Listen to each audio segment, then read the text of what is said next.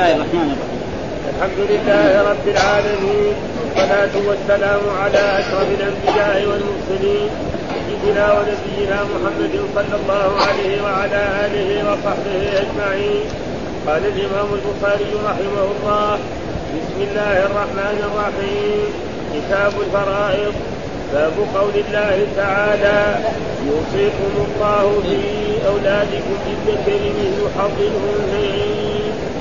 فإن كن نساء فوق اثنتين فلهن ثلثا ما ترك وإن كانت واحدة فلها النصف ولأبويه لكل واحد منهما السدس لكل واحد منهما السدس مما ترك إن كان له ولد فإن لم يكن له ولد وورثه أبواه فلأمه السدس فإن كان له إخوة فلأمه السدس من بعد وصية يوصي بها أو دين آباؤكم وأبناؤكم لا تدرون أيهم أقرب لكم نفعا فريضة من الله.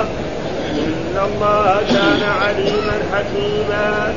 ولكم نصف ما ترك أزواجكم إن لم يكن لهن ولد فإن كان لهن ولد فلكم الربع مما تركن من بعد وصية يوصين بها أو دين ولهن الربع مما تركتم إن لم يكن لكم ولد فإن كان لكم ولد فلهن الثمن مما تركتم. من بعد وصية توصون بها أو دين وإن كان رجل يورث كلالة أو امرأة وله أخ أو فلكل واحد منهما السدس فإن كانوا أكثر من ذلك فهم شركاء في السدس من بعد وصية يوصي بها أو دين أقول كذا. أقول نافع يقرأ كذا يوصي الثانية اللي يوصى. يوصي والعدل لما يوصي. لا إيه؟ يعني كذا نافع يقرا نعم. حفص يقرا يوصى يعني. نعرف نقول يوصى إيه طيب. عشان غير مضار وصية من الله والله عليم حليم. قال حدثنا قتيبة بن سعيد. قال حدثنا سفيان عن محمد بن المنكدر قال سمعت جابر بن عبد الله رضي الله عنهما يقول مرضت فعادني رسول الله صلى الله عليه وسلم وابو بكر وهما ماشيان. فاتياني وقد اغمي علي فتوضا رسول الله صلى الله عليه وسلم فصب علي وضوءه فافقت فقلت يا رسول الله كيف أصنع في مالي؟ كيف أمضي في مالي؟ فلم يجدني بشيء حتى نزلت آية المواريث باب تعليم الفرائض.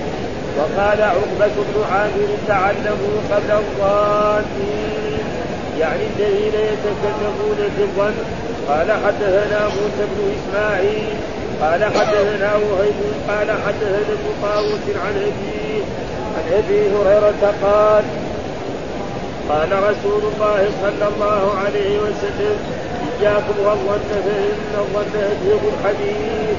ولا تحسسوا ولا تجسسوا ولا تباغضوا ولا تدابروا وكونوا عباد الله إخوانا. طيب أعوذ بالله من الشيطان الرجيم. بسم الله الرحمن الرحيم. الحمد لله رب العالمين والصلاة والسلام على سيدنا ونبينا محمد وعلى آله وصحبه وسلم أجمعين. قال الإمام الحافظ بسم الله الرحمن الرحيم كتاب الفرائض باب قول الله تعالى يوصيكم الله في أولادكم للذكر مثل حظ الأنثيين فإن كن نساء فوق اثنتين فلهن الثلث ما ترك وإن كانت واحدة فلها النصف ولأبويه لكل واحد منهما الثلث مما ترك إن كان له ولد فإن لم يكن له ولد وورثه أبواه فلأمه الثلث فإن كان له إخوة فلأمه السدس من بعد وصية يوصي بها أو دين آباؤكم وأبناؤكم لا تدرون أيهم أقرب لكم نفعا فريضه من الله إن الله كان عليما حكيما. بعد البسملة كتاب الفرائض وكتاب غير ما مر قلنا انه كتاب مصدر والمراد به اسم مفعول. يعني هذا مكتوب تجمع فيه الأحاديث والآثار والآيات القرآنية الواردة في إيه؟ في كتاب الفرائض في الفرائض. طيب ما معنى الفرائض وما معنى الفريضة؟ هذا لازم نعرفه. ها؟ ويقول فريضة جمع فريضة. فرائض مفرده فريضة. كحديقة وحدائق. واحد يقول حديقة مفرده وحدائق. والفريضة فعيله بمعنى مفروضة. ماخوذه من الفرض وهو القطع يعني شيء قدره الله وبينه وقطعه وبينه في إيه؟ في كتابه. ويقال فرضت لفلان كذا أي قطعت له شيئا من المال.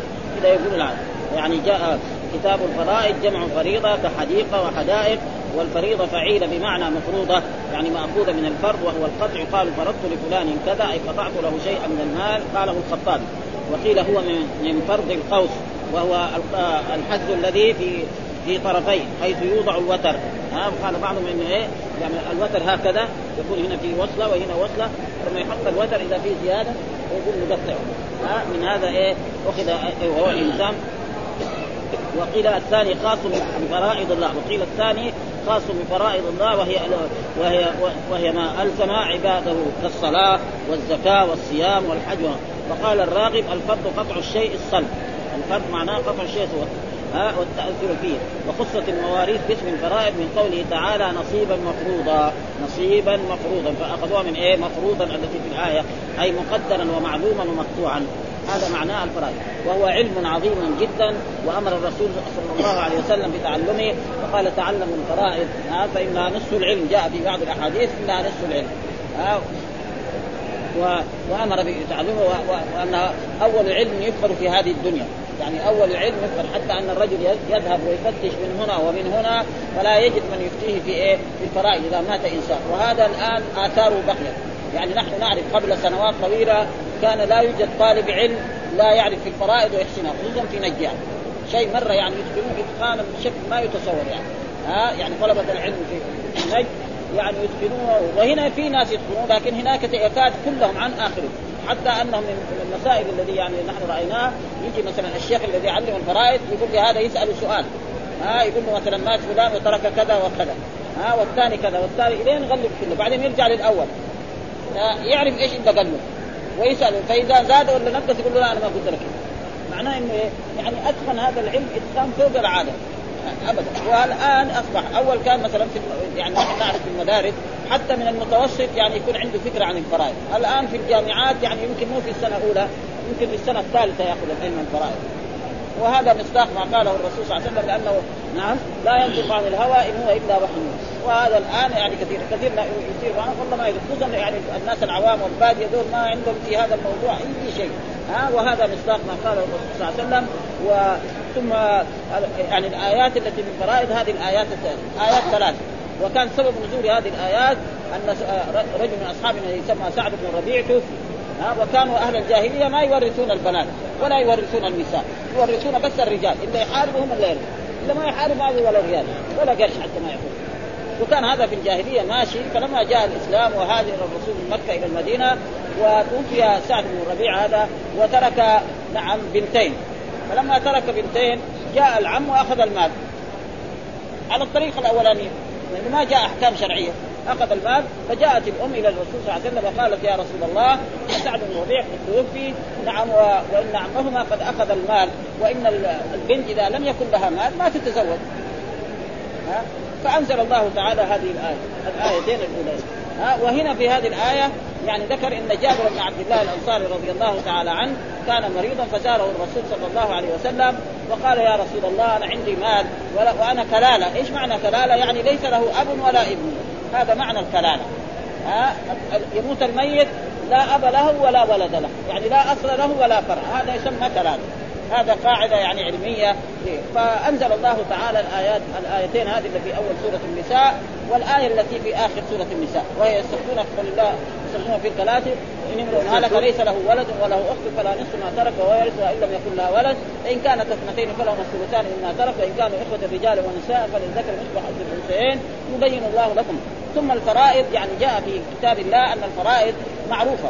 ها وجاء في حديث الحق الفرائض بأهلها. فما ابقت الفرائض فلأولى رجل ذكر. الفرائض هي أول شيء النصف.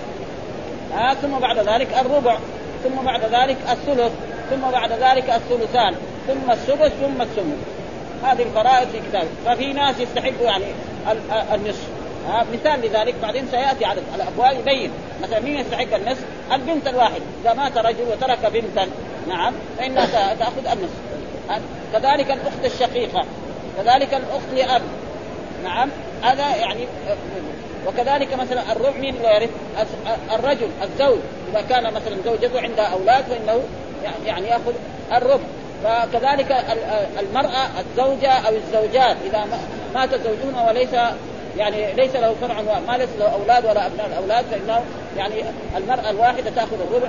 وكذلك مثلا وهذا كله سيأتي إيه تفصيل مفصل في إيه. وكذلك الثمن مين يأخذ؟ الزوجة أو الزوجات إذا كان للزوج إيه أولاد. نعم. وكذلك مثلا آه، الثلث لمين؟ آه، الثلث للأم. إذا مات الإنسان وما وله أم وليس له مثلا أولاد فان وكذلك الثلث الاخوه للأم. وبعدين السدس. السدس لمين؟ مثلا لست أصناف. وهذا العلم حقيقة أحسن يعني هنا ما يدرك تمام يدرك في إيه؟ في مثلا في الرحبية. يدرك يورث الرحبيه يعني يضبط تمام يعرف إيه مين اللي له النصف ومين له الربع ومين له السدس ومين له الثمن وكذلك مين اللي يحجب ومين لا يحجب وإلى غير ذلك وهو علم عظيم جدا. وهذا يعني اثاره الآن باقي يعني الآن يعني قليل من طلبة العلم. وأنا يعني يعني تقريبا في هذا الفن يعني يمكن اضع لأن أنا يعني مرة يعني كنت مدرس في المدارس الثانويه وكنت أروح للرياض لأجل التصحيح في الشهادة الثانوية العامة. فقلت لهم أنا ما أصحح ابدا الفرائض. هذا إنه دار التوحيد عندهم إيه الفرائض. ودار التوحيد مع التعليم الثانوي يعني يجمعون سوا الثانوية ما عندهم حصة دينية إلا واحدة حصة. هذولاك عندهم كل الحصص. عندهم فقه وعندهم حديث وعندهم أنا مستعد أصحح كل الدروس الدينية. إلا الفرائض. ليه؟ لأن الفرائض إذا ما يتقن الإنسان يذهب بالطالب في إيه؟ في داهية. ما يظن غلط يكتب غلط وهو يكون صح. فيصير تنقص عليه خمسة درجات أو عشر درجات يكون راتب يكون السبب. وقعدت أنا عدة مرات ما ما رد اصحح الفرائض ابدا.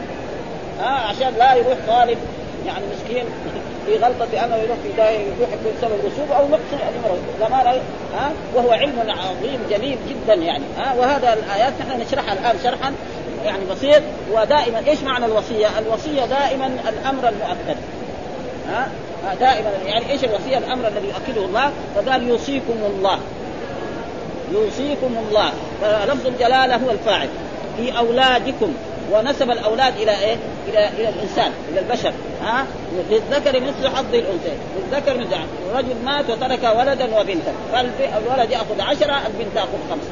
وهكذا دائما. ها مثل حظ فإن كن نساء فوق اثنتين لأن كان آه، يعني الأولاد هذول الذكور لأن الولد يشمل, يشمل الذكر والأنثى. قاعدة في اللغة ولد له ولد يشمل الذكر والأنثى. قاعدة مو مثلا ها الذكر لا فإن كن نساء لأن كن إيه يعني آه ترك بنتين فاثنتين يعني ثلاثة أربع بنات خمسة بنات عشر بنات ها فلهن ثلثا ما ترك. ها فلهن ثلثا ما ترك. وإن كانت واحدة واحدة مثلا مات الرجل وترك بنتا واحدة. ها فلها النصف. هذا فرض. يعني فرضه الله في كتابه فلها النصف. ولأبويه لكل واحد منهم السدس. أبويه معنى إيه؟ الأب والأم. ها كل واحد يأخذ إيه؟ السدس. مما ترك. إن كان له ولد بشرط أن يكون له ولد. فإن لم يكن له ولد وورثه أبواه. شخص مات نعم ولم يكن له ولد وورثه أبواه. الأب والأم. وهذا يسمى تقريبا زي ما في واحد له أبوين. آه إنما الأب والأم يسمى الأبوان. وهذا موجود كثيرا في اللغة العربية. نقول العمران لأبي بكر وعمر. ها والقمران للشمس والقمر والبيعان للبائع والمشتري. ها فهذا معنى الاوان معناه الأب والأم. ها فالام وكان فلامه السدس. فان لم يكن ولد وورث أبواه فلأمه ثم إن كان وبعدين الأب يأخذ الباقي. الأب إيه؟ عاصب يأخذ إيه؟ ما بقي. فإن كان له إخوة ها إن كان له إخوة أشقاء فلأمه السدس. من بعد وصية يوصي بها ها من بعد وصية يوصي بها أو دين. وهنا إيش المقدم؟ اصل في الشرع الحكم الشرعي المقدم إيه؟ الدين. لكن هنا يقدم في الآية الوصية. هل الوصية تقدم أول؟ الجواب لا. إيش السبب في ذلك؟ لأن الوصية قد يمكن أن الورثة يعني ينكروها. أما الدين لو أنكروها يجي صاحب الدين. يقول إن لي عند أبيكم مبلغ كذا وكذا. مين يشهد فلان وفلان؟ ما في يعني ها؟ الوصية قد مثلا وصيه رجل أوصى يعني شيء من مالي من الناس من الفقراء والمساكين الأولاد يقولوا ما نحن ما نثبت هذا أما الدين لو قالوا نحن هذا الدين ليس على أبينا دين. يجي إيه صاحب الدين يقدم. يروح يشتكيهم في المحكمة ويثبت هذا. ها فلذلك الوصية عشان إيه يمكن التلاعب بها قدم وإلا أول شيء إذا مات الميت أول شيء تجهيزه ثم دينه ثم بعد ذلك الميراث. يعني الميراث هو في الدرجة الثالثة. ها هذا يعني وهذا تقديمه يعني ها اباءكم ولا تدرون أيهم أقرب لكم نفعا يعني ما يدري الإنسان أيهما أنفع. نعم. فريضة من الله. فريضة يعني إيه؟ شيئا مفروضا من الله. إن الله كان عليما حكيما. ها وقلنا كان دائما إذا جاءت للرب بمعنى لم يزل. ليس كما هي في اللغة العربية. كان محمد مسافر يعني في الزمن الماضي، الآن مسافر ولا ميت ولا حاضر نحن ما ندري عنه، لكن الله لما يقول كان الله عليما حكيما بمعنى لم يزل، يعني في الماضي وفي الحال وفي المستقبل وفي باستمرار.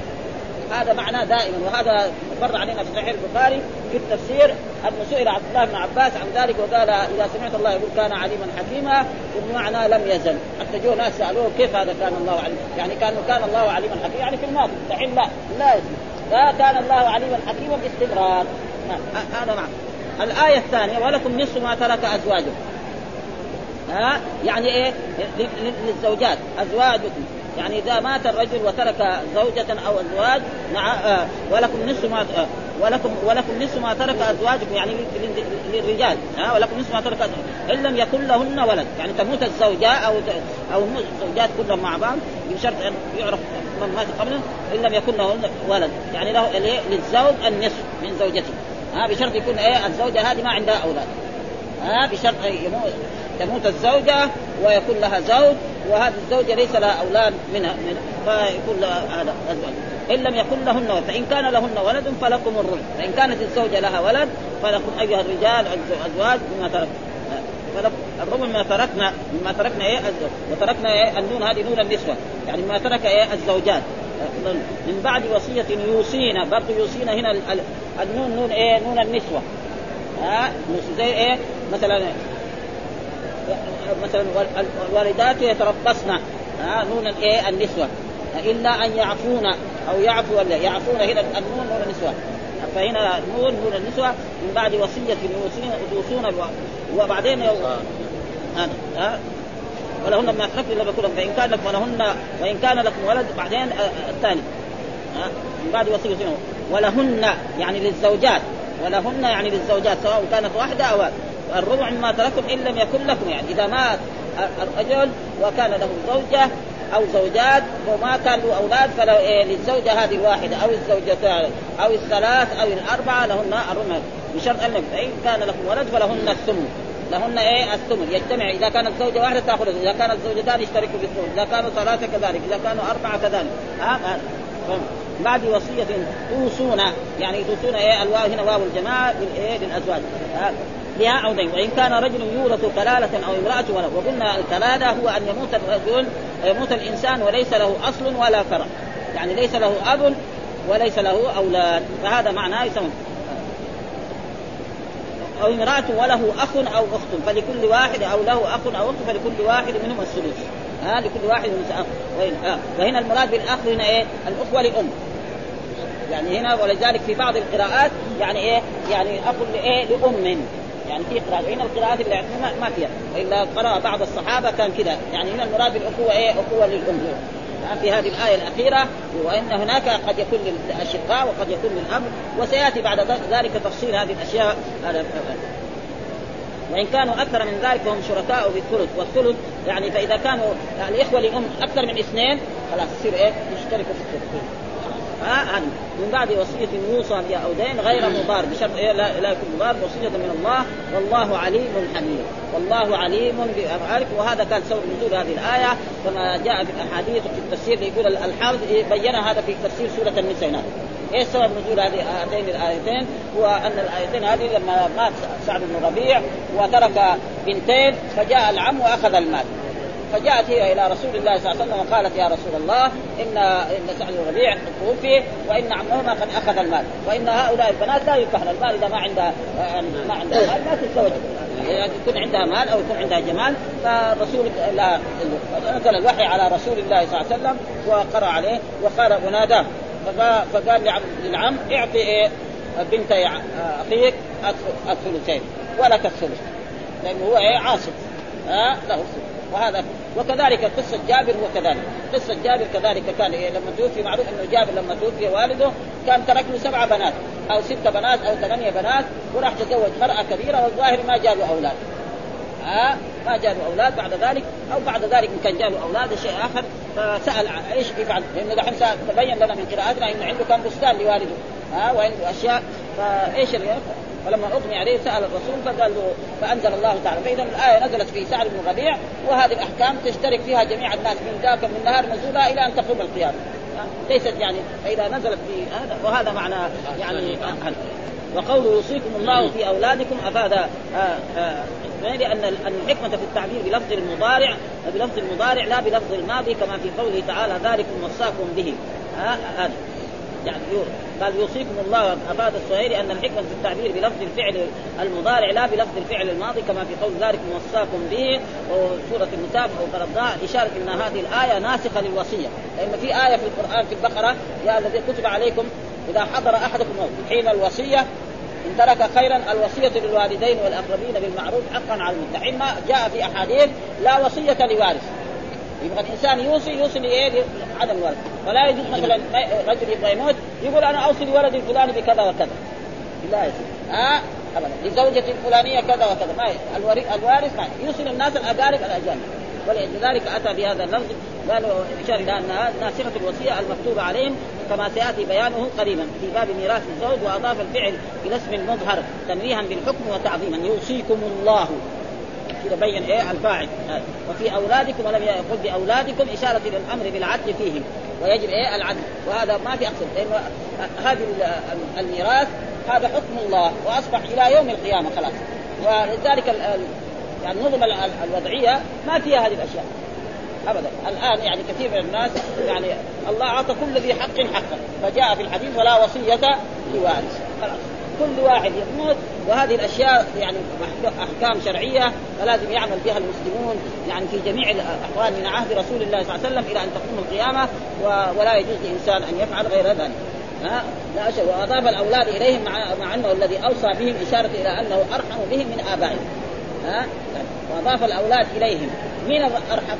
هذا الرب أرحم بإيه؟ كما جاء في أحاديث قال إن الله أرحم بإيه؟ بالأم؟ بولدها كما جاء في أحاديث مثل ذلك وقوله إلى وصية من الله والله عليم. قال واما غيره فساق الآية الأولى قال بعد قوله عليما حكيما. إلى قوله والله عليم. وذكر في حديث جابر مرضت فعاد النبي فقال يا رسول فقلت يا رسول الله كيف أصنع في مالي؟ فلم يجبني بشيء حتى نزلت آية نزلت آية الميراث. فهكذا وقع في رواية قتيبة وقد تقدم في تفسير سورة النساء. أن مسلما أخرجه عن عمرو عمرو الناقد عن سفيان وابن عيينة شيخ القتيبة وزاد في آخره يستفتونك. وهي هذه الثلاث الآيات. ما في آيات في الميراث إلا هذه. وكلها في سورة النساء. آيتين في أول السورة وآية في آخر السورة. وهذا هو الميراث. ثم بقي صار اجتهادات من بعض الصحابة رضوان الله تعالى عليهم في أشياء نزلت فيه وقد أشكل قديما قال ابن العربي بعد ذكر الروايتين في أحدهم فنزلت يستفقوا وفي أخرى في, في, في أخرى آية المواريث هذا تعارض لم يتفق لم يتفق إلى إلى الآن. ثم أشار إلى ترجيح آية المواريث وتوهيم يستفقون فيظهر ان ان أن يقال أن كل من الآيتين لما كان فيهما ذكر الكلاله نزلت في ذلك لكن الآية الأولى لما كانت الكلالة فيها خاصة بميراث الاخوه من الأم كما قال ابن مسعود يقرأ وله أخ أو أخت من أمه. وكذا قرأ سعد بن أبي وقاص أخرجه البيهقي بسند صحيح السبت عن ميراث غير من الإخوة. فنزلت الأخيرة. فيصح أن كل كل من الآيتين نزلت في قصة جابر لكن المتعلق به من الآية ما يتعلق آه، أن يرث من أبيهما فنزلت يوصيكم الله. فقال للعم من حديث جابر في قصة ابنتي سعد بن الربيع ومنع عمهما أن يرث من أبيهما فنزلت يوصيكم الله الآية فقال للعم اعطي فقال للعم الرسول اعطي ابنتي سعد الثلثين ولك الثلث. وقد بين وقد بين السياق من وجه آخر. هناك وبالله التوفيق. فالآيات هذه هي آية الميراث وسيأتي الآن بعدين. إيش اللي يأخذ النصف؟ مين اللي يأخذ الربع؟ مين اللي يأخذ الثلث وسيأتي هذا وعلى كل حال كتب الحديث لكن بعد ذلك لما جاء التأليف وهذا كتب الفقه بينت تماما حتى في المناسخات وفي أشياء كثيرة يعني مهمة جدا في إيه؟ في علم الميراث وهذا. ثم قال باب تعليم الفرائض. وقال عقبة بن عامر تعلموا قبل الظانين يعني الذين يتكلمون بالظن. وقال حدثنا موسى بن إسماعيل قال حدثنا ابو هايب حدثنا أبو طاووس عن ابي عن أبي هريرة قال قال إياكم والظن فإن الظن اكذب الحديث ولا تحسسوا ولا تجسسوا ولا تباغضوا ولا تدابروا وكونوا عباد الله إخوانا. يقول باب تعليم الفرائض. يعني بإيه؟ باب وجوب تعليم الفرائض. والمراد الفرائض هنا يعني هو أراد الإمام البخاري يستدل بهذا وإلا الفرائض ممكن يشمل كثير لكن هذا العلم معروف بهذا ولذلك الرسول قال تعلموا الفرائض وعلموها الناس. إيش هذا؟ معروف إنه اصطلاح علمي صار تعليم الفرائض هو تعليم إيه؟ ما يتعلق بالميراث من يرث ومن لا يرث. ومعلوم أن كذلك من الأشياء اللي يبينوها هناك في أشياء يعني يمنع الميراث. زي ما يقول ابن آه، آه، آه، ويمنع الشخص من ثلاث وهو الرق والقتل واختلاف الدين. وهذا كله بعدين يبين ها؟ الرق واختلاف الدين وإذا قتل إنسان إنسان فإنه فيقول قال وقال عقبة تعلموا تعلموا قبل الظانين يعني تعلموا العلم النافع تعلموا قبل يعني الذين يتكلمون بالظن.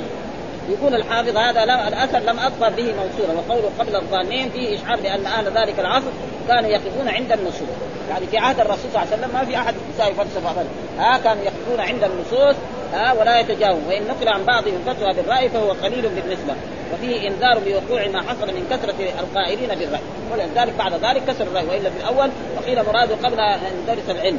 وحدوث من يتكلم بمقتضى ظنه غير مستند إلى علم. قال ابن المنير إنما خص البخاري قوله آه قول عقبة بالفرائض لأن أدخل فيه من غيره لأن الفرائض الغالب عليها التعبد. ها آه يعني الفرائض إيه؟ على مثلا الصلاة هي الصلاة ما حد يقدر يزيد فيها. لكن الفرائض هذه قد يخفى كثير أشياء من على الناس الصلاة معروف الظهر كذا أربعة العصر أربعة ما في كذلك صيام رمضان شهر كامل وأشياء زي هذه الزكاة هذه كلها. لكن هذا هذا علم يعني. قد يحتاج له إيه إلى معرفة وإلى فلذلك يقول هذا والجواز والخوض فيه بالظن لأن الإنضباط بخلاف غيرها من أبواب العلم فإن الرأي فيه فإن فإن للرأي فيه فيها مجالا والإنضباط فيها ممكن غالب. ويؤخذ من هذه التقرير مناسبة الحديث المرفوع للترجمة. وقيل وجه المناسبة أن نهي أن نهي العمل عن الظن يتضمن الحث على العلم على العلم على العلم على العمل بالعلم. يعني وجه المناسبة إنه ما دام الرسول نهى عن الظن فلازم إيه يتوجه إيه إنك لازم تتعلم العلم الطيب عشان إيه يروح الظن عنه هذا معناه وجه المناسبة بين إيه قال ووجه ان نهي العمل بالظن يتضمن الحث على العلم وذلك فرع لعلمه وعلم الفرائض يؤخذ إيه بطريق التعلم كما تقدم. علم الفرائض لازم يؤخذ بايه؟ بالعلم كما تقدم فلا بد من الإنسان يتعلم وهذا معناه باب تعليم الفرائض. وقال عقبة بن عامر تعلموا قبل الظانين، إيش الظانين؟ الذين يتكلمون بالظن وبدون علم. ولذلك أخذ من هذا انه هذه المناسبة يجب على الناس يتعلم والذي ما يعرف في هذا الباب لا لا يجاوب. وطالب العلم أو العالم يعني لا أدري هذه نصف العلم. لا يخاف من هذا. طالب العلم أو العالم لا يخاف من ذلك لأن العلم ثلاثة آية محكمة وسنة متبعة ولا أدري. وأئمة الكبار يعني مر علينا كان في الموطأ أن الإمام مالك العظيم إمام دار الهجرة جاءوا ناس وسألوه عن 33 مسألة أجابهم عن 12 أو 13 والباقي قال لا أدري. قالوا كيف أنت إمام دار الهجرة؟ قال لا كل الناس لا يدري. ما في شيء ابدا ها؟ ولا يخاف طالب العلم من هذا وإن كان العوام يستنكروا هذا. بكيفهم يستنكروا؟ ابدا ها؟ لا يخاف من كلمة لا أدري أي سؤال في أي مكان سئل إن كان يدري كذا. وكذلك كمان لا يساوي فلسفة. بعض الناس دحين لما يجي طالب علم يسأل يقول له لا روح اسأل غيري. أنا أرى لا هذا الكلام ما ينبغي لأن الناس الموجودين الآن من طلبة العلم يعني أمثل الموجودين أمثل الموجودين فإذا سئل وهو يعرف يجاوب.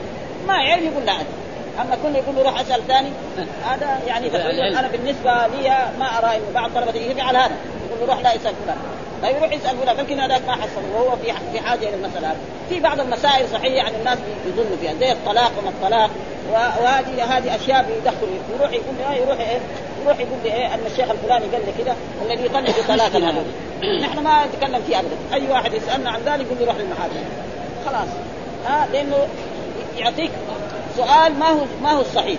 وبعد ذلك يقول إن فلان قال لي كذا وكذا. آه. ويروح يدخلك في مشاكل لا يعني ما تدري عنها أما الباقي لا الصلاة يقول إذا هو يعني اذا ما يدري يقول فهذا معناه ثم ذكر عن موسى بن عقبة آه، آه، حدثنا موسى بن إسماعيل حدثنا وهيب حدثنا ابن طاووس عن ابي عن أبي قال قال إياكم والظن. وهذا معناه الأصل كان إيه أحذركم الظن. زي ما يسمى في اللغة العربية منصوب على التحذير. اصله كان أحذركم. كذا كان. ها ثم حذف الفعل فانفصل الضمير. ها ويسمى والتحذير تنبيه المخاطب على أمر مكروه ليجتنبه الإغراء هو؟ تنبيه المخاطب على أمر محمود ليفعله. ها هذا مثال. ذلك واحد يقول لطالب الاجتهاد الاجتهاد. معنى إيه؟ إلزم الاجتهاد. هذا فرق بين التحذير والإغراء. التحذير تنبيه زي هذا إياكم والظن. أحذركم الظن. فلما حذف الضمير الفعل صار إيه؟ إياكم والظن. فإن الظن اكذب الحديث وهذا كثير مرة. ولا تحسسوا ولا تجسسوا يعني لا يجوز الانسان أن يتحسس ولا وهذا جاء كان في البيوع. ها؟ وذكر هناك ولا تباغضوا ولا تدابروا وكونوا عباد الله. وهذا كمان له علاقة بإيه؟ بالفرائض. كونوا عباد الله إخوان. يعني الوارث والموروث. ها؟ الذي يرث ولا والموروث. كلهم إخوان فلازم يكون كل واحد يعطى حقه كامل بدون أن ينقص فيه في أي شيء. وهنا جاء في الأحاديث التي ذكرها يعني عن هذا يعني فيها فوائد. ويؤخذ من من تعلم الفرائض يعلم الأخ الوارث من غيره وقد ورد الحث في تعلم الفرائض حديث ليس على شرط المصنف. يعني ما هذه حديث ما يقدر يحطها في صحيح البخاري. أخرجه أحمد والترمذي والنسائي وصححه الحاكم من حديث ابن مسعود رفعه تعلموا الفرائض وعلموها الناس فإن امرؤ مخلود وإن العلم سيقبض حتى يختلف الاثنان في الفريضة فلا يجدان من يفصل بينهما. ورواته موثوق إلا إلا أنه اختلف فيه على عون. الأعرابي اختلافا كثيرا فقال الترمذي إنه مضطرب والإختلاف عليه جاء عنه من طريق أبي مسلم.